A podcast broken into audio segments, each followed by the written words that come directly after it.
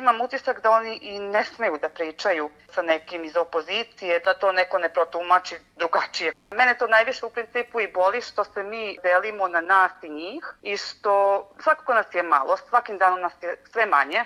Naši sugrađani odlaze mahom u Slovačku. Svaka nas je, a delimo se na opoziciju i poziciju, a to mene, verujte, najviše boli.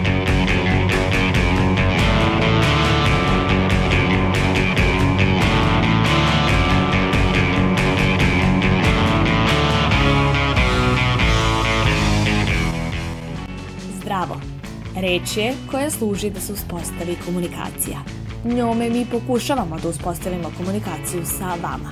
Da li nas čujete? Mi vas ne čujemo, ali i dalje komuniciramo. Ovo se zove jednosmerna komunikacija. A u ovoj epizodi podcasta Reagu želimo da saznamo da li nacionalni saveti komuniciraju tako. Ja sam Iva Gajić, na ovom podcastu rade i Sanja Kosović, Nemanja Stevanović, Irina Čučković i Sanja Đorđević, a vi slušate Reaguj, podcast nezavisnog društva novinara Vojvodine.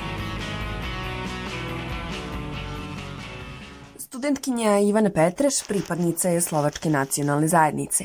Navodi da je njen nacionalni savet odličan i da je zadovoljna njihovim radom vole da se fokusiraju na srednjoškolce i na studente i to mi se jako sviđa. Samo što mi se ne sviđa što su sad u poslednje vreme malo zakočili što se tiče studenta. Tipa pre, kad sam, kad sam ja primala stipendiju kao nacionalna manjina, jel to je Slovakinja, nas je bilo 12 i svi smo dobili po 40.000, zato što smo se svi uklapali u taj neki ovaj okvir i sad pre dve godine istu tu cifru je dobilo četvoro studenta ili petoro, nisam sad sigurna, ali jako malo. Vole da se fokusiraju generalno na srednje školce. Što se tiče kulture, za to znam, pošto organizuju dosta festivala, to mi se sviđa i što vode pobednike tih festivala i muzičkih i književnih, vode ih tako u Slovačku na tipa nedelji po dana, na dve nedelje, na odmor, na neki ekskurzije, takav. Ivana se svom nacionalnom savetu obratila kao student kako bi dobila stipendiju i kaže da je zadovoljna komunikacijom.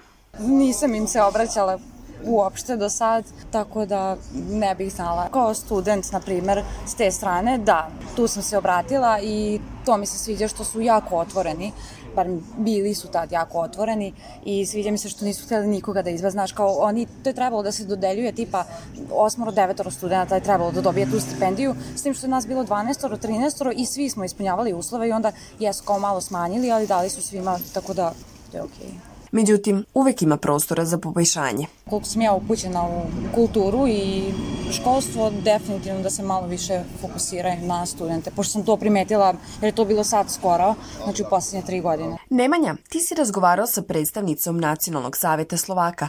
Kako oni vide komunikaciju sa svojom zajednicom i šta rade kako bi istu poboljšali? Martina Sabolčki je od prošle godine prvi put članica Nacionalnog saveta Slovačke nacionalne manjine. Lista na kojoj je izabrana sačinjena je da pokriva čitavu Vojvodinu kako bi Slovaci iz svih krajeva pokrajine mogli da ukažu na probleme sa kojima se susreću. Kako kaže, ona se trudi da ima kontakt sa slovačkom zajednicom na svakom koraku. Međutim, njen utisak je da se trenutni vrh u Nacionalnom savetu Slovaka učurio i da nema komunikaciju sa zajednicom, naročito sa kolegama članovima saveta koji nisu sa iste liste za takozvanu tu koaliciju koja je u nacionalnom savetu e, aktivna, e, nisam sigurna kako ide komunikacija, pošto imam utisak da su oni začaureni nekako u toj nekoj svojoj političkoj zajednici, među svojim tim nekim lično mišljenicima i tu se oni kreću slobodno, e, tu rade, ali ne zalaze oni u krugove gde imaju opoziciju, gde bi im neko nešto rekao, bar ja takav utisak imam. Šta više imam utisak da oni i ne smeju da pričaju e, sa nekim iz opozicije, da to neko ne protumači drugačije. Mene to najviše u principu i boli što se mi delimo na nas i njih i što svakako nas je malo, svakim danom nas je sve manje. Naši sugrađani odlaze mahom u Slovačku. Svaka nas je, a delimo se na opoziciju i poziciju, a to mene, verujte, najviše boli. Upravo tu podelu na vlast i opoziciju se Bolčki vidi kao glavnu i jedinu prepreku u komunikaciji nacionalnog saveta sa širom zajednicom, a do te podele, kaže ona, došlo je preslikavanjem slične situacije sa viših nivoa vlasti u pokrajini i republici. Ja ovde problem vidim malo dublji. Znači, komunikacija po meni nema šanse da se nekako poboljša e, niti u nacionalnom savetu, niti na svim ostalim polugama vlasti, zato što je to komunikacija u okviru te neke političke partije i na toj nekoj relaciji što oni njih zovu koordinatori. Sve se rešava u tim nekim političkim prostorijama i sve dok je tako, verujte, koliko god me duša bolela, smatram da svaku instituciju možemo da ugasimo, verujte mi. Iskreno se nadam da će se ovo promeniti. Nadam, eto, ja sam svojih 33 godine nekako stalno pamtim i kada sam bila dete, stalno se nadamo da će se nešto promeniti, da će se nešto ne znam da li će se promeniti, ali ne pamtim da je ovako nekad bilo, da nema tu druge podele, samo na poziciju opozicije, ali mislim na vladajuću partiju. Sad, kako to može da se poboljša? Sigurno nije na relaciji nacionalnog saveta, mislim da je mnogo na većim nivoima. Kada je reč o komunikaciji sa većinskim srpskim stanovništvom, Martina Sabolčki ocenjuje da Nacionalni savet Slovaka ne radi svoj posao, a to pokrepljuje i skorašnjim primerom postavljanja table u Bačkom Petrovcu samo na srpskom jeziku i ćirilici, iako zakon i ustav propisuju da se koristi i jezik nacionalnih manjina u mestima gde je veliki broj te manjine. Nacionalni savet služi tome da e, brani naše interese, znači očuvanje jezika, kulture, e, pisma i tako dalje. Međutim, ja ne vidim rešenje, recimo kod nas je u Petrovcu skoro su savremene table na samo ćiriličnom pismu. Znači, uloga nacionalnog saveta jeste bila da oni reaguju i da traže da se stavi i na slovačkom jeziku, je tako? To je njihova uloga, zato su oni osnovani, zato smo osnovali nacionalne savete. Nisu ništa radili, što ne smeju ne smeju i jednostavno ja stvarno ne vidim koristi trenutno naše institucije. Slobodno po meni možda se kaže da ta institucija ne funkcioniše nikako. Znači oni komuniciraju sa srpskim stanovništvom, ali ne komuniciraju ili ti sa srpskim institucijama, ali po meni oni su samo produžena ruka i ne rade svoj posao. Pandemija koronavirusa je, kako navodi Sabolčki, samo omogućila institucijama, tu misli na Nacionalni savet, da ne rade ništa, pa čak ni da komuniciraju. Mada ona navodi da je komunikacija jednostrana i da i kada treba nešto da se odluči, naročito elektronski, sve to se svede na glasanje pro forme. Recimo na drugoj sednici smo mi na, u Nacionalnom savetu izglasali jednu tačku na mala vrata, da u slučaju neke, znači sad se nije moglo pretpostaviti šta će dešavati, ali smo izglasali jednu tačku gde smo uh, rekli da u slučaju neke vanredne situacije može da se u nekim hitnim slučajevima da se sednica održi elektronski. E sad vidite, to je izglasano kao na drugoj sednici od 2018. čini mi se i od tad smo imali 21 sastanak u nacionalnom savetu, od toga smo imali 8 redovnih i 13 elektronskih. A znate kako to izgleda? Dobijemo, dobijemo materijal gde biramo recimo direktore raznih institucija, škola i tako dalje, dobija materijal, e, ne mogu da pitam nikoga, nema medijski prostor, ne znam šta se dešava, nemam uvid ko je još bio kandidat recimo ili tako dalje, ništa ne znam, ali dobijam taj predlog i uz predlog dobijam i odluku predsednice nacionalnog saveta sa sutrašnjim datumom gde je tačan znak svim članovima kako će se izglasati i kako trebaju, treba da glasaju svi i to je to. Rebeka Plancak iz Rusinske zajednice kaže da pozitivno ocenjuje komunikaciju Nacionalnog saveta Rusina sa zajednicom. Ona kaže da zbog toga što je prilično jednostavno kontaktirati ih, članovi zajednice uvek mogu da ukažu na neki problem koji su primetili. Pa odavno se nisam obraćala, ali smo u nekom kontaktu i komunikaciji preko projekata koje radim i preko kulture, pošto sam tamo prilično aktivna, ovaj, pa onda imam s vremena na vreme priliku da se susretnem s njima. Pa mogu da pohvalim komunikaciju i zaista se osjećam da mogu da im se obratim po bilo kom pitanju ukoliko primetim neki problem, ali trenutno ne primećujem ni jedan problem, tako da, da nisam, nisam imala prilike da im se obraćam. Rebeka ističe da je prednost u komunikaciji činjenica da su oni ipak mala zajednica. Pa Rusine su prilično mala zajednica, tako da mi otprilike se svi međusobno znamo, tako da može da se desi da prilikom susreta sa nekim od članova ukažemo na neki problem, ali takođe pisanje mailova ili, ili poziv jesu opcije.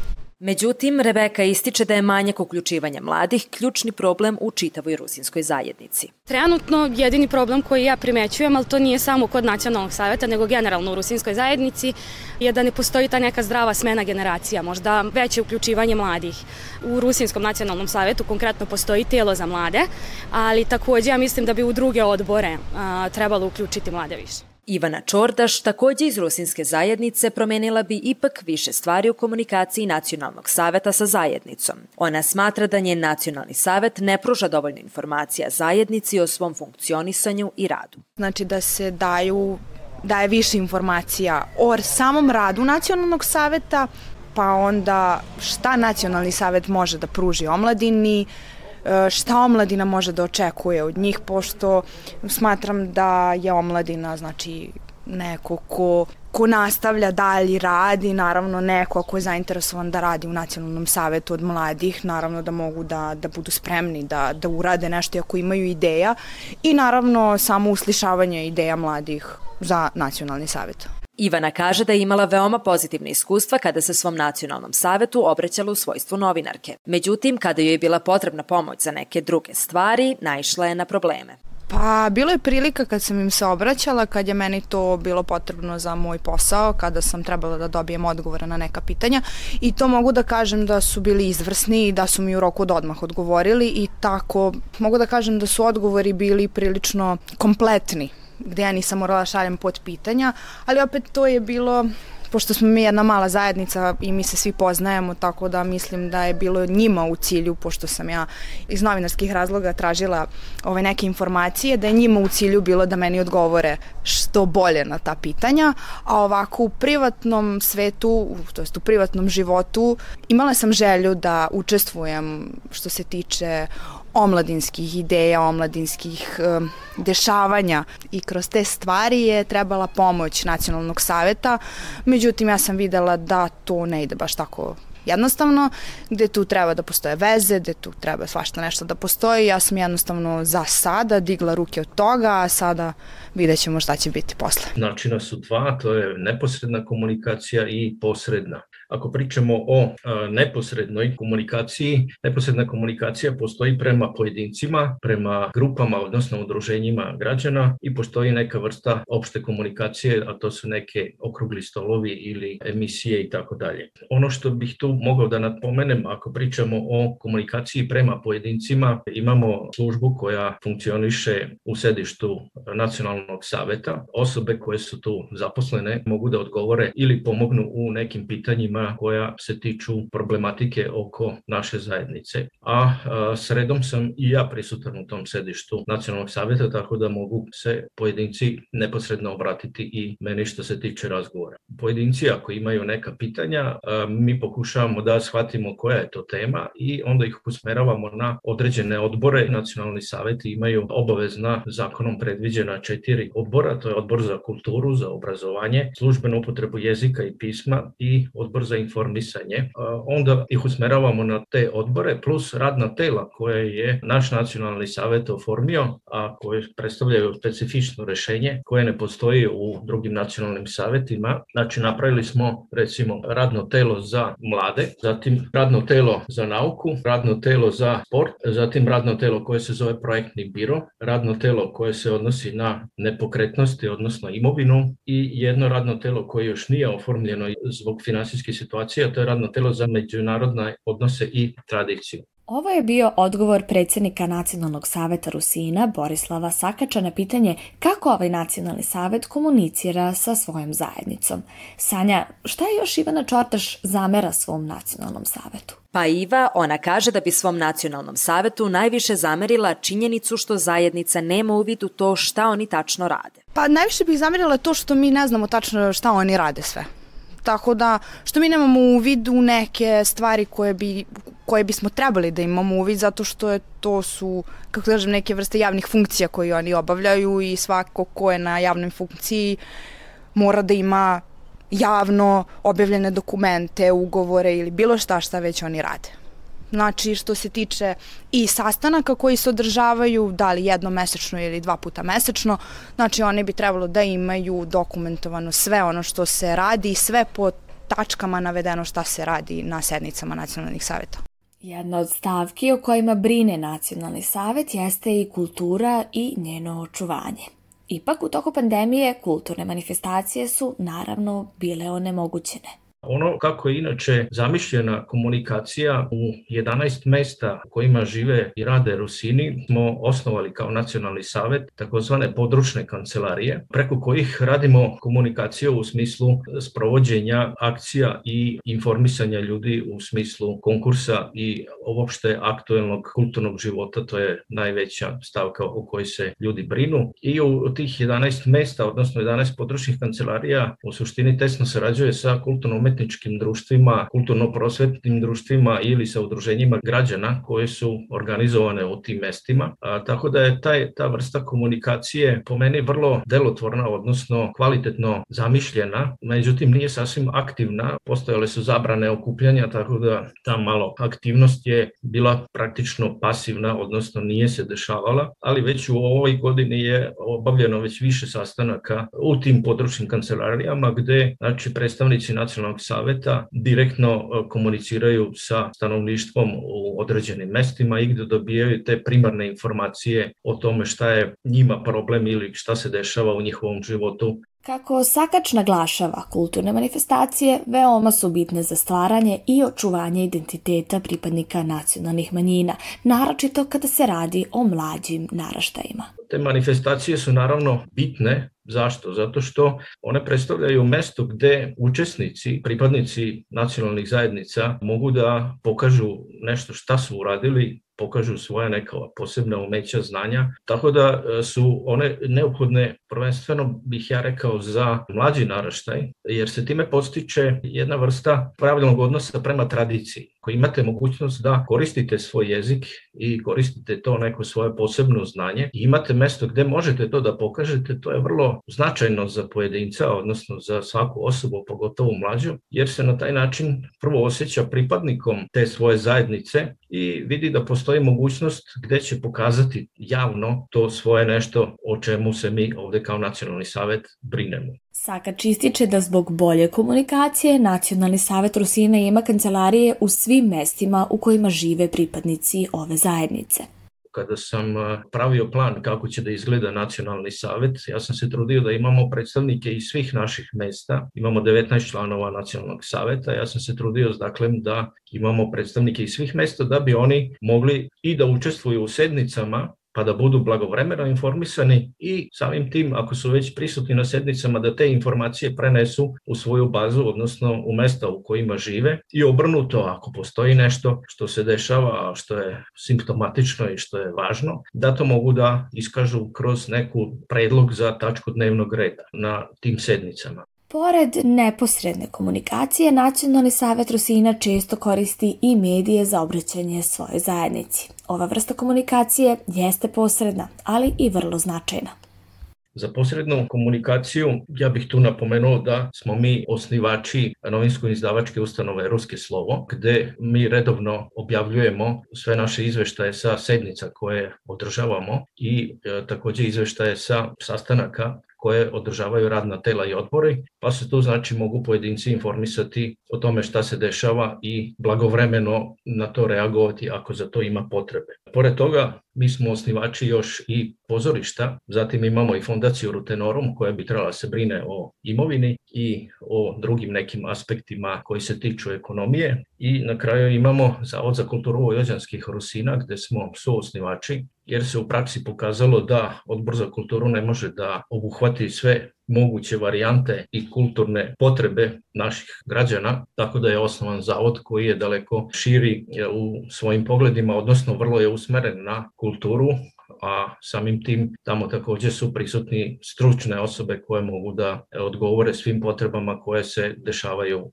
u našem životu. Što se tiče sada Postoji znači radio emisije, odnosno program na radio Novom Sadu 3, gde takođe imamo dosta često intervjue i ostale emisije koje prate rad nacionalnog saveta i naravno postoji televizija kao treći medijum preko kog se dešavaju razne vrste intervjua, okruglih stolova i sličnih događaja, gde opet postoji mogućnost da se pojedinci informišu o tome šta se dešava. Ono o čemu se redko govori, a od velike važnosti jeste i komunikacija sa većinskim stanovništvom. Kako ističe Sakač, dobra komunikacija je neophodna. Mi se nalazimo u Vojvodini koja je multietnička i multikulturološka i multikonfesijska, tako da imamo potrebe za svim tim e, komunikacijama sa sugrađanima koji žive oko nas. Evo, sada u monocentrima gde, kao što je recimo ruski krstur, e, naravno da je dominantan rusinski jezik, ali u svim drugim mestima nije tako i ta komunikacija sa većinskim stanovništvom je svakako neophodna. Tu nemam nekih posebnih, da kažemo, primetbi kako to uraditi raditi, jer jednostavno obrazovni sistem nas već upućuje na to, jer mi imamo praktično kompletnu nastavu na rusinskom jeziku samo u par mesta, ali u svim drugim mestima je već obrazovni sistem urađen na bazi onoga što preporučuje zakon, a to znači na srpskom jeziku. Ta komunikacija je svakako neophodna, jer kao što znamo, potreba za tim da imamo pravilan interkulturalni odnos među pripadnicima nacionalnih zajednica u Vojvodini podrazumeva da možemo da komuniciramo na jednom jeziku, Ivana zaključuje da ipak, iako postoje neki problemi, nacionalni saveti jesu veoma značajni za nacionalne manjine u Vojvodini. Ne mogu da kažem da nacionalni savet ne pomaže, naravno da pomaže, zato što mi živimo u Vojvodini gde mi, svaka nacionalna manjina ima pravo da se školuje na svom jeziku, da ima e, znači televizijski program, radio program na svom jeziku, da može slobodno da se školuje. I ja mislim da su to predispozicije koje Nacionalni savet dobro obavlja i da nema njih mi verovatno to ne bi ni imali.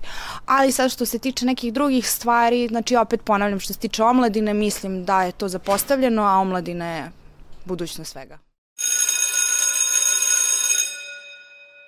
Nemačka nacionalna zajednica u Srbiji i nije brojna, međutim komunikacija saveta i zajednice je takođe vrlo važna, kao i rad samog saveta. Irena, ti si razgovarala sa predstavnikom njihovog saveta. Kakva je njihova komunikacija sa zajednicom? Mihael Plac, predsednik Nacionalnog saveta Nemačke nacionalne zajednice u Srbiji, objašnjava na koje sve načine oni nastoje da stupe u kontakt sa pripadnicima Nemačke nacionalne zajednice u Vojvodini i Srbiji. Kaže da su, pored ličnog kontakta, za ovo važne i društvene mreže i web stranica Nacionalnog saveta, putem kojih se njihovi pripadnici mogu informisati o skorašnjim aktivnostima. Kako u Nacionalni savet, tako i u e, udruženja koja se nalaze po raznim mestima u Srbiji dolaze pripadnici nemačke nacionalne manjine sa nekim e, svojim idejama, predlozima, sugestijama, problemima. Ovo namerno razdvajamo od namenskog susreta kada se e, susrećemo sa, sa svojim članovima. To je, kažem, na svakodnevnom nivou. Drugi vid susreta odnosno e, ličnog viđanja je da članovi nacionalnog saveta e, obilaze udruženja u drugim mestima mimo sedišta nacionalnog saveta gde se onda organizuje susret sa svim zainteresovanim pripadnicima Nemačke nacionalne zajednice. Nekad na tom sastanku bude troje ljudi, nekad bude 30 ljudi, zavisno sad u ovo poslednje vreme i od epidemiološke situacije, a i e, u zavisnosti od e, teme na koju, na koju razgovaramo. Plac dodaje i na koji način Nemački nacionalni savet održava stalnu komunikaciju sa svojim pripadnicima koji žive u Somboru, u kojem se i nalazi njihovo sedište kada e, je u pitanje e, sedište Nacionalnog saveta, s obzirom da se e, ono nalazi u prostorijama humanitarnog udruženja Gerhard, mi praktikujemo jednom mesečno skup sa članovima gde se, da kažem, družimo. Uz neformalni razgovor imamo razne teme koje se pokreću, neke planirane aktivnosti, neke koje su realizovane i imamo jednom nedeljno svakog ponedeljka u pola četiri E, susret sa aktivnijim članovima udruženja kojih nema malo, ima ih oko, oko 30-ak i uglavnom na tim sastancima svakog ponedeljka prisustuje minimum 20 ljudi gde se dogovaramo oko nekih aktivnosti, da li je to sređivanje prostorija, da li je to istovar nekih paketa humanitarne pomoći, da li je to raspodela paketa humanitarne pomoći. Znači nešto tekuće kako bismo imali kontinuitet, kako bi svako znao šta se dešava, šta nas očekuje i šta smo uradili u prethodnom periodu. Naš sagovornik upravo naglašava važnost neposrednog kontakta između članova zajednice i kaže da se trude da ovu praksu iz Sombora prenesu i na druga udruženja Nemačke nacionalne zajednice u Srbiji možemo mi napraviti niz projekata ukoliko naši članovi e, nisu zainteresovani da, da, da učestvuju u, u tome, ovaj, onda, onda smo e, omašili temu, da, ta, da tako kažem. Mihael Plac ocenjuje saradnju sa pripadnicima drugih manjina i većinskim narodom kao veoma važnu, pa čak i neophodnu u Somboru stvarno vlada jedna dobra atmosfera i dobra saradnja kad, kada su u pitanju i međusobno nacionalne zajednice, a i kada e, su u pitanju odnosi manjinskih nacionalnih zajednica sa, sa većinskom, od zajedničkih ideja, zajedničkih projekata, zajedničkih nastupa na manifestacijama, dobijena sredstva na konkursu koje god udruženje da, da, da dobije u, u te aktivnosti se u, uključuju i, i, i dru, pripadnici drugih nacionalnih e, manjina. Mihael Plac iz Nemačkog nacionalnog saveta kaže da je pandemija koronavirusa uticala na njihov rad i to iz više aspekata. Pre svega, restrikcije su učinile da njihove prostorije postanu zatvorene za ljude koji nisu uključeni u aktivnosti, a samim tim je sva komunikacija prebačena na telefonsku ili online varijantu. Takođe, za mnoge projekte prolongiran je period realizacije onda kada su aktivnosti zahtevale da budu održane uživo. S druge strane, uglavnom, gotovo sva udruženja Nemaca na teritoriji e, Srbije imaju programe učenja nemačkog jezika i najčešće je to jedini prihod udruženjima. U vreme pandemije vrlo mali broj ljudi se odlučio da e, online nastavi pohađanje jezika, tako da su tu svi bili na gubitku i oni koji su želeli da nauče e, jezika i sama udruženja i profesori. Plac kulturne manifestacije ocenjuje kao one aktivnosti koje su od prevashodnog značaja za rad Nemačkog nacionalnog saveta, jer promovišu kulturu jedne zajednice, ali i informišu javnost o aktivnostima nacionalnog saveta ili udruženja koje ih je organizovalo. Kaže da su ovakvi događaji izuzetno značajni i za same pripadnike zajednice. I njima je e, taj e, lični kontakt i takvi, e, takvi susreti u stvari ono najbitnije kada je u pitanju osjećaj pripadnosti, jer ništa ne može zameniti susret 300, 400, 250, ne, nebitno, nebitna je brojka ljudi koji su došli sa istom mišlju, istom željom, istom namerom da, da proslave nešto ili da obeleže neki događaj. Kultura je jedan od segmenata rada nacionalnih saveta, ali koliko prostora za uključivanje u aktivnosti nekog nacionalnog saveta imaju ljudi koji se ne bave kulturom? Mihajl Plac iz Nemačkog nacionalnog saveta kaže da postoji još niz segmenata u kojima članovi mogu doprineti radu saveta tu je informisanje, tu je obrazovanje, tu je, e, ajde, službena upotreba jezika opet zahteva e, neke specifičnije veštine, ali mislim da, da, apsolutno ima prostora i mogućnosti ukoliko se neko ne bavi kulturom da e, može doprineti kako radu, tako i novim idejama u, u Nacionalnom savjetu. Da li ste nas čuli? Kako ova komunikacija ne bi ostala jednosmjerna, javite nam se na Facebooku, na stranici NDNV Media Hub i u grupi podcast Reaguj.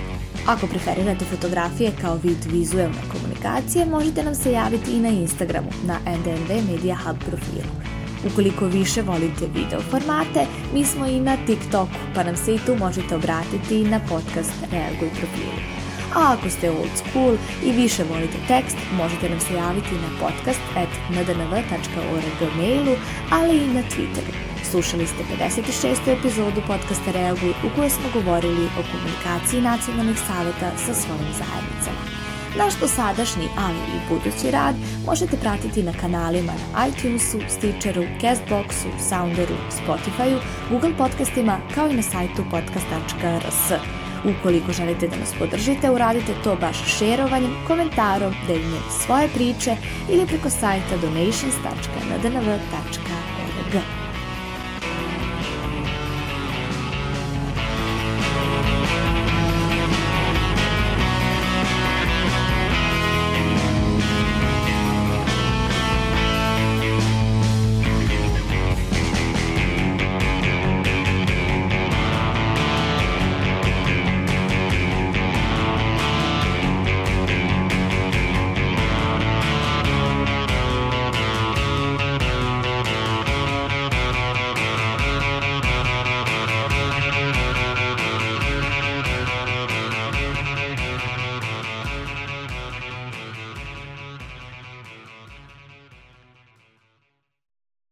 podcast je pripremljen uz finansijsku podršku Evropske unije i Saveta Evrope u okviru projekta Promocija različitosti i ravnopravnosti u Srbiji.